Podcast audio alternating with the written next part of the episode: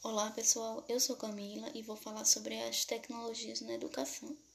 Nos últimos anos, as tecnologias vêm mostrando avanços significativos.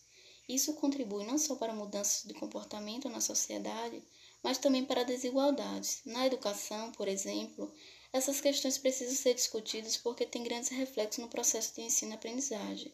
A aprendizagem ocorre em diferentes espaços e com agentes diferentes e podemos citar as tecnologias como uma delas.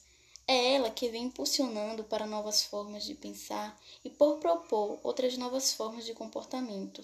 Por isso, é preciso potencializar os discentes e adequá-los às novas exigências da sociedade. O modelo educacional atual mantém professores e alunos distantes, uma vez que a geração atual fazem parte de uma nova realidade, e por isso é preciso criar mecanismos que os coloque e adeque a esse novo modelo, possibilitando o domínio dessas ferramentas não só na questão técnica, mas também crítica. As tecnologias devem ser entendidas como um processo inerente à sociedade, porque as transformações não ocorrem só na matéria, mas também no próprio ser humano. Desse modo, é preciso romper com essa ideia determinista e instrumentalista de que as, tecnologia, de que as tecnologias vão tomar o lugar do educador, pelo contrário, ela vai agregar, potencializar o ensino. Desse modo, é preciso conhecer novo, esse novo ambiente para que possa compreendê-lo e principalmente dominá-lo. É preciso dar acesso e instrumentalizar o educador.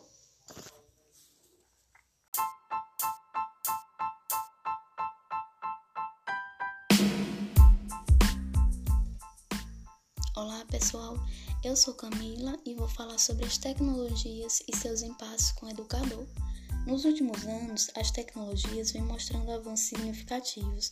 Isso contribui não só para mudanças de comportamento na sociedade, mas também para desigualdades. Na educação, por exemplo, essas questões precisam ser discutidas porque têm grandes reflexos no processo de ensino-aprendizagem. A aprendizagem ocorre em diferentes espaços e com diferentes agentes, e podemos citar as tecnologias como uma delas. É ela que vem impulsionando para novas formas de pensar e por propor outras novas formas de comportamento.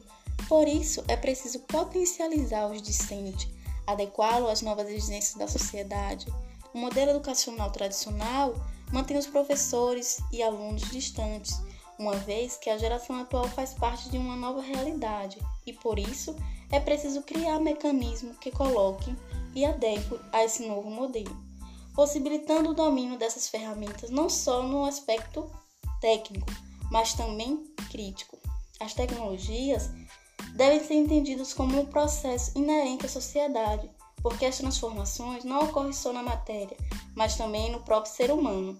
Desse modo, é preciso romper com essa ideia determinista e instrumentalista de que as tecnologias vão tomar lugar dos educadores. Pelo contrário, ela vai agregar, potencializar o ensino. Por isso, é preciso conhecer esse novo ambiente para que possa compreendê-lo e principalmente dominá-lo. É preciso dar acesso e instrumentalizar o educador.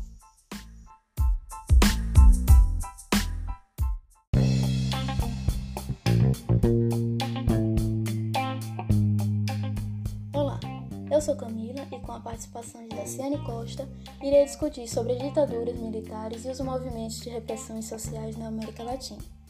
O século XX foi marcado pela bipolaridade do pós-Guerra Fria no mundo inteiro.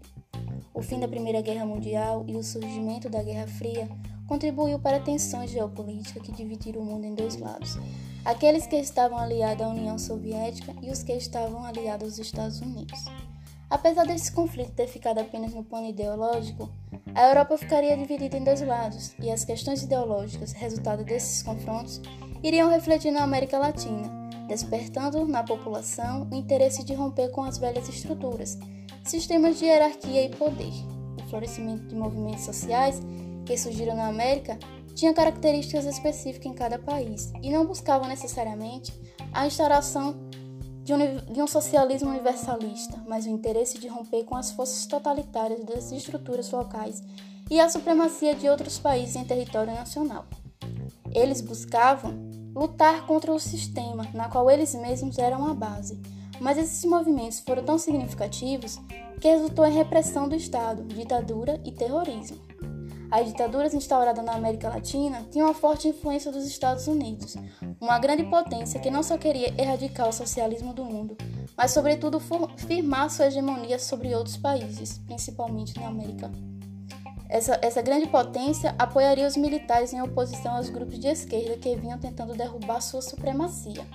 Seria ela o grande pivô para instaurar as ditaduras e o terrorismo quando digo ditaduras, me refiro às várias ditaduras e aos vários golpes de Estado que surgiram nos diversos países da América Latina, derramando sangue e mostrando um dos lados mais terríveis da história da humanidade. Nos países como Brasil, Chile, Equador, Argentina, Paraguai e em todo o resto do continente iria eclodir esses sistemas autoritário e repressivo. As ditaduras são apenas, são apenas regimes antidemocráticos,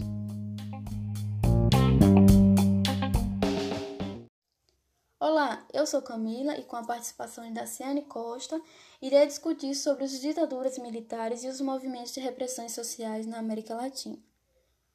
O século XX foi marcado pela bipolaridade do pós-Guerra Fria no mundo inteiro. O fim da Primeira Guerra Mundial e o surgimento da Guerra Fria contribuiu para tensões geopolíticas que dividiram o mundo em dois lados. Aqueles que estavam ligados à União Soviética e os que estavam aliados aos Estados Unidos. Apesar desse conflito ter ficado apenas no plano ideológico, a Europa ficaria dividida em dois lados, e as questões ideológicas resultado desses confrontos iria refletir na América Latina, despertando na população o interesse de romper com as velhas estruturas, sistemas de hierarquia e poder. O florescimento de movimentos sociais que surgiram na América tinham características específicas em cada país e não buscavam necessariamente a instauração do socialismo universalista, mas o interesse em romper com as forças totalitárias das estruturas locais e a supremacia de outros países em território nacional. Eles buscavam lutar contra um sistema na qual eles mesmos eram a base. Mas esses movimentos foram tão significativos que resultou em repressão do Estado, ditadura e terrorismo. As ditaduras instauradas na América Latina tinham uma forte influência dos Estados Unidos, uma grande potência que não só queria erradicar o socialismo do mundo, mas, sobretudo, firmar sua hegemonia sobre outros países, principalmente na América. Essa grande potência apoiaria os militares em oposição aos grupos de esquerda que vinham tentando derrubar sua supremacia. Seria ela o grande pivô para a instauração das ditaduras e terrorismo. Quando digo ditaduras, me refiro às várias ditaduras e os vários golpes de estados que surgiram nos diversos países da América, derramando sangue e mostrando os lados mais terríveis da história da humanidade nos países como Brasil, Chile, Equador e Argentina e em todo o resto do continente, iria eclodir esses sistemas autoritários e repressivos. As ditaduras são regimes antidemocráticos ou não democráticos, regimes cujo poder é exercido de forma autoritária e ditatorial, regido por só um líder ou um pequeno grupo. Esse sistema seria usado como estratégia política dos Estados Unidos na América para preservar o capital, Apoiado pelos ingleses e pelas forças conservadoras, os militares dão um golpe de Estado e tomam o poder, causando terrorismo, censura, tortura, opressão e perseguição. Agora, vamos entender as formas e as consequências em alguns países. Olá, eu sou Camila e com a participação de Daciane Costa, irei discutir sobre as ditaduras militares e os movimentos de repressões sociais na América Latina. O século XX foi marcado pela bipolaridade do pós-Guerra Fria no mundo inteiro. O fim da Primeira Guerra Mundial e o surgimento da Guerra Fria contribuiu para tensões geopolíticas que dividiram o mundo em dois lados: aqueles que estavam ligados à União Soviética e os que estavam aliados aos Estados Unidos. Apesar desse conflito ter ficado apenas no plano ideológico, a Europa ficaria dividida em dois lados e as questões ideológicas resultadas desse confronto iria refletir na América Latina, despertando na população o interesse de romper com as velhas estruturas, sistemas de hierarquia e poder. O florescimento de movimentos sociais que surgiram na América tinham características específicas em cada país e não buscavam necessariamente a instauração de um socialismo universalista, mas o interesse em romper com as forças totalitárias das estruturas locais e a supremacia de outros países em território nacional. Eles buscavam lutar contra um sistema na qual eles mesmos eram a base. Mas esses movimentos foram tão significativos que resultou em repressão do Estado, ditadura e terrorismo. As ditaduras instauradas na América Latina tinham uma forte influência dos Estados Unidos, uma grande potência que não só queria erradicar o socialismo do mundo, mas, sobretudo, firmar sua hegemonia sobre outros países, principalmente países da América. Essa grande potência apoiaria os militares em oposição aos grupos de esquerda que vinham tentando derrubar sua supremacia. Seria ela o grande pivô para instaurar as ditaduras e o terrorismo. Quando digo ditaduras, me refiro às várias ditaduras e aos vários golpes de estados que surgiu nos diversos países da América Latina, derramando sangue e mostrando um dos, um dos lados mais terríveis da história da humanidade. Nos países como Brasil, Chile, Equador, Argentina, Paraguai e em todo o resto do continente, iria eclodir esses sistemas autoritários e repressivos. As ditaduras são regimes antidemocráticos ou não democráticos, regimes cujo poder é, é exercido de forma autoritária e ditatorial, regido por um só líder ou um pequeno grupo. Esse sistema seria usado como estratégia política dos Estados Unidos na América para preservar o capital Apoiado pelos ingleses e pelas forças conservadoras, os militares dão um golpe de Estado e tomam o poder, causando terrorismo, censura, tortura, opressão e perseguição. Agora vamos entender as formas e suas consequências em cada país.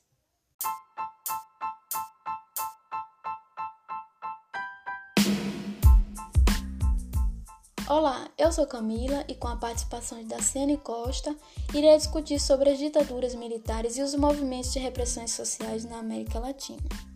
O século XX foi marcado pela bipolaridade do pós-Guerra Fria no mundo inteiro. O fim da Primeira Guerra Mundial e o surgimento da Guerra Fria contribuiu para tensões geopolíticas que dividiram o mundo em dois lados: aqueles que estavam ligados à União Soviética e os que estavam aliados aos Estados Unidos. Apesar desse conflito ter ficado apenas no plano ideológico, a Europa ficaria dividida em dois lados, e as questões ideológicas resultado desses confrontos iria refletir na América Latina, despertando na população o interesse de romper com as velhas estruturas, sistemas de hierarquia e poder. O florescimento de movimentos sociais que surgiram na América tinha características específicas em cada país e não buscavam necessariamente a instauração do socialismo universalista, mas o interesse em romper com as forças totalitárias das estruturas locais e a supremacia de outros países em território nacional. Eles buscavam lutar contra um sistema na qual eles mesmos eram a base. Mas esses movimentos foram tão significativos que resultou em repressão do Estado, ditadura e terrorismo. As ditaduras instauradas na América Latina tinham uma forte influência dos Estados Unidos, uma grande potência que não só queria erradicar o socialismo do mundo, mas sobretudo firmar sua hegemonia sobre outros países, principalmente países da América. Essa grande potência apoiaria os militares em oposição aos grupos de esquerda, que vinham tentando derrubar sua supremacia. Seria ela o grande pivô para instaurar as ditaduras e o terrorismo. Quando digo ditaduras, me refiro às várias ditaduras e aos vários golpes de Estado que surgiram nos diversos países da América Latina derramando sangue e mostrando os lados mais terríveis da história da humanidade.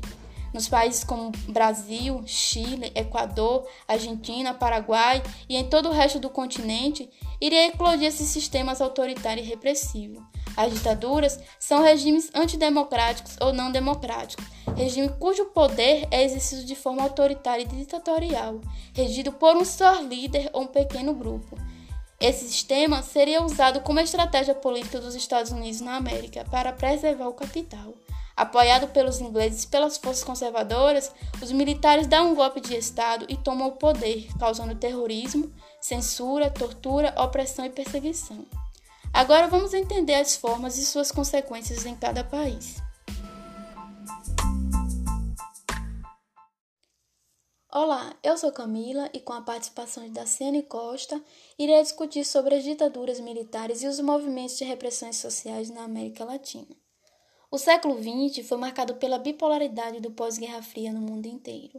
O fim da Primeira Guerra Mundial e o surgimento da Guerra Fria contribuiu para tensões geopolíticas que dividiram o mundo em dois lados: aqueles que estavam ligados à União Soviética e os que estavam aliados aos Estados Unidos. Apesar desse conflito ter ficado apenas no plano ideológico, a Europa ficaria dividida em dois lados, e as questões ideológicas resultadas desses confrontos iria refletir na América Latina, despertando na população o interesse de romper com as velhas estruturas, sistemas de hierarquia e poder. O florescimento de movimentos sociais que surgiram na América tinha características específicas em cada país e não buscavam necessariamente a instauração do socialismo universalista, mas o interesse em romper com as forças totalitárias das estruturas locais e a supremacia de outros países em território nacional. Eles buscavam lutar contra um sistema na qual eles mesmos eram a base. Mas esses movimentos foram tão significativos que resultou em repressão do Estado, ditadura e terrorismo.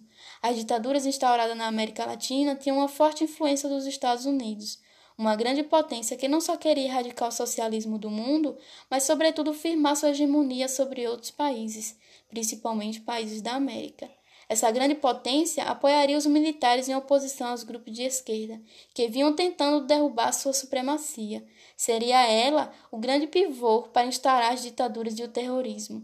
Quando digo ditaduras, me refiro às várias ditaduras e aos vários golpes de Estado que surgiram nos diversos países da América Latina, derramando sangue e mostrando os lados mais terríveis da história da humanidade. Nos países como Brasil, Chile, Equador, Argentina, Paraguai e em todo o resto do continente, iria eclodir esses sistemas autoritário e repressivo. As ditaduras são regimes antidemocráticos ou não democráticos, regime cujo poder é exercido de forma autoritária e ditatorial, regido por um só líder ou um pequeno grupo. Esse sistema seria usado como estratégia política dos Estados Unidos na América para preservar o capital. Apoiado pelos ingleses e pelas forças conservadoras, os militares dão um golpe de Estado e tomam o poder, causando terrorismo, censura, tortura, opressão e perseguição. Agora vamos entender as formas e suas consequências em cada país.